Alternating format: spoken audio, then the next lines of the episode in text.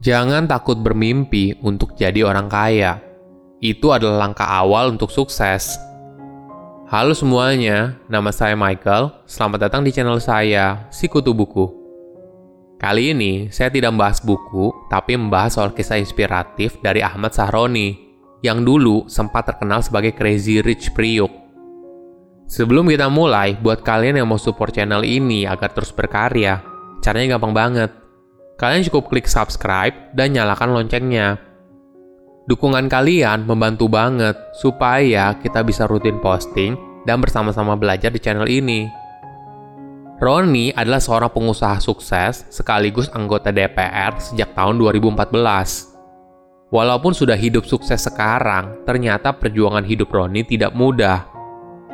Yuk kita simak bagaimana ceritanya. Ahmad Sahroni lahir di Tanjung Priuk tumbuh besar dengan ibu dan neneknya. Ibunya berjualan nasi padang untuk membiayai kebutuhan keluarga, sehingga Roni banyak menghabiskan waktu dengan neneknya. Pada tahun 1985, ada kebijakan pemerintah untuk memperbaiki aktivitas bongkar muat di Pelabuhan Tanjung Priuk. Dampaknya, warung ibunya nyaris bangkrut. Di masa itu, keluarga Roni hanya makan nasi dengan dua buah cabai sehari-hari. Kemudian saat dia SMP, Roni membantu finansial keluarga dengan bekerja serabutan. Dia mulai mencari penghasilan sendiri dengan menjadi tukang semir sepatu dan ojek payung saat musim hujan. Dari kecil, Roni sudah ditempa oleh kehidupan. Hidup yang berat tidak membuat dia patah semangat. Kemudian, ketika lulus SMA, Roni tidak punya biaya untuk melanjutkan kuliah. Awalnya, dia bekerja sebagai supir di sebuah perusahaan.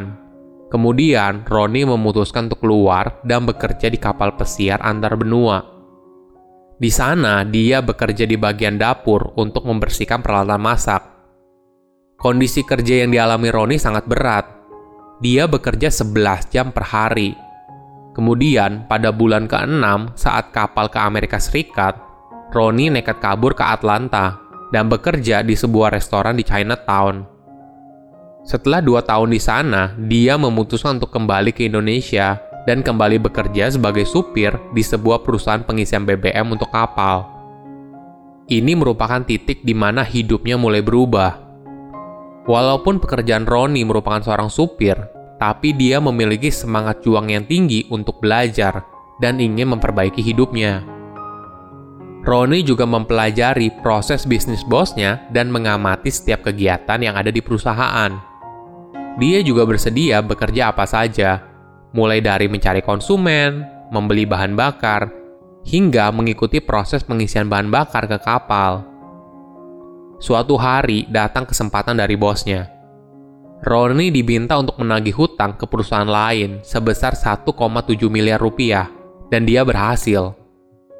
Dari situ, bosnya mulai mempercayakan Roni untuk menangani hal-hal penting di perusahaan, dan jabatannya pun pelan-pelan naik, hingga menjadi direktur dalam waktu tiga tahun.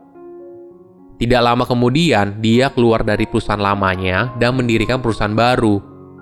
Pelan-pelan, perusahaannya berkembang pesat hingga sukses seperti sekarang. Bisnis yang dimiliki oleh Roni juga beragam. Awalnya bisnis bahan bakar minyak, kemudian berkembang ke properti, hingga jual beli mobil mewah. Saat ini, Roni juga menjabat sebagai anggota DPR Komisi 3 dari fraksi Partai Nasdem. Walaupun hidupnya sudah jauh berbeda dan bergelimangan harta, Roni punya prinsip yang selalu dia pegang. Jangan jadi kacang yang lupa dengan kulitnya. Artinya, jangan melupakan dari mana kita berasal. Roni tidak meninggalkan kawasan Tanjung Priuk dan membangun rumah mewahnya di gang sempit yang ada di sana. Rumah mewah yang sekarang dia tinggali merupakan hasil renovasi dari rumah lamanya. Dia punya mimpi untuk membangun wilayah tempat tinggalnya. Oleh karena itu, sejak tahun 2003, Roni dan keluarga juga rutin membagi sembako dan bantuan anak yatim di lingkungan sekitarnya.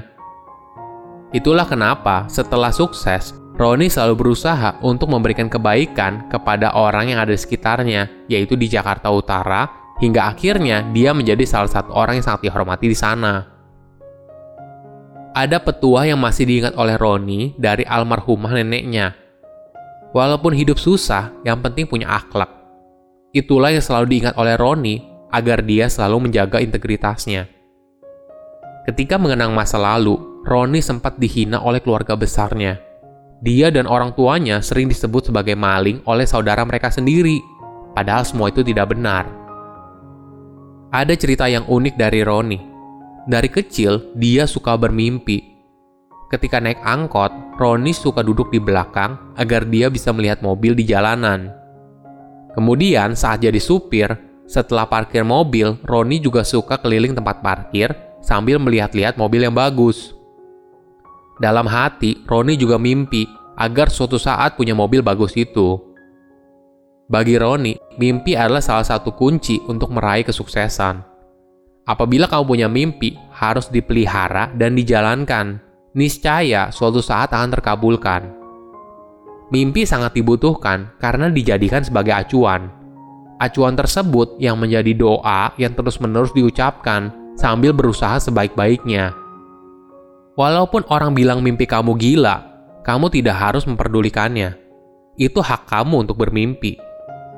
Apabila nanti terwujud atau tidak adalah urusan belakangan. Yang terpenting adalah kamu mengucapkan apa yang kamu impikan dari dalam dirimu sendiri, bukan atas paksaan orang lain. Roni mencontohkan seperti ini. Dulu ketika hidupnya masih miskin, dia punya mimpi untuk punya Ferrari.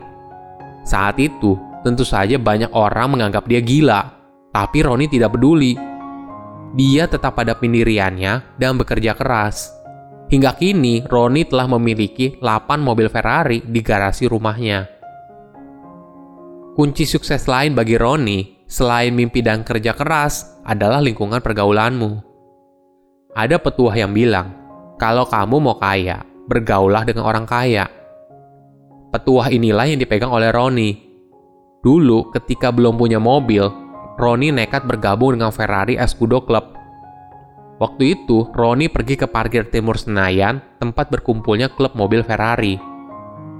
Dari Priuk, dia naik bus Mayasari.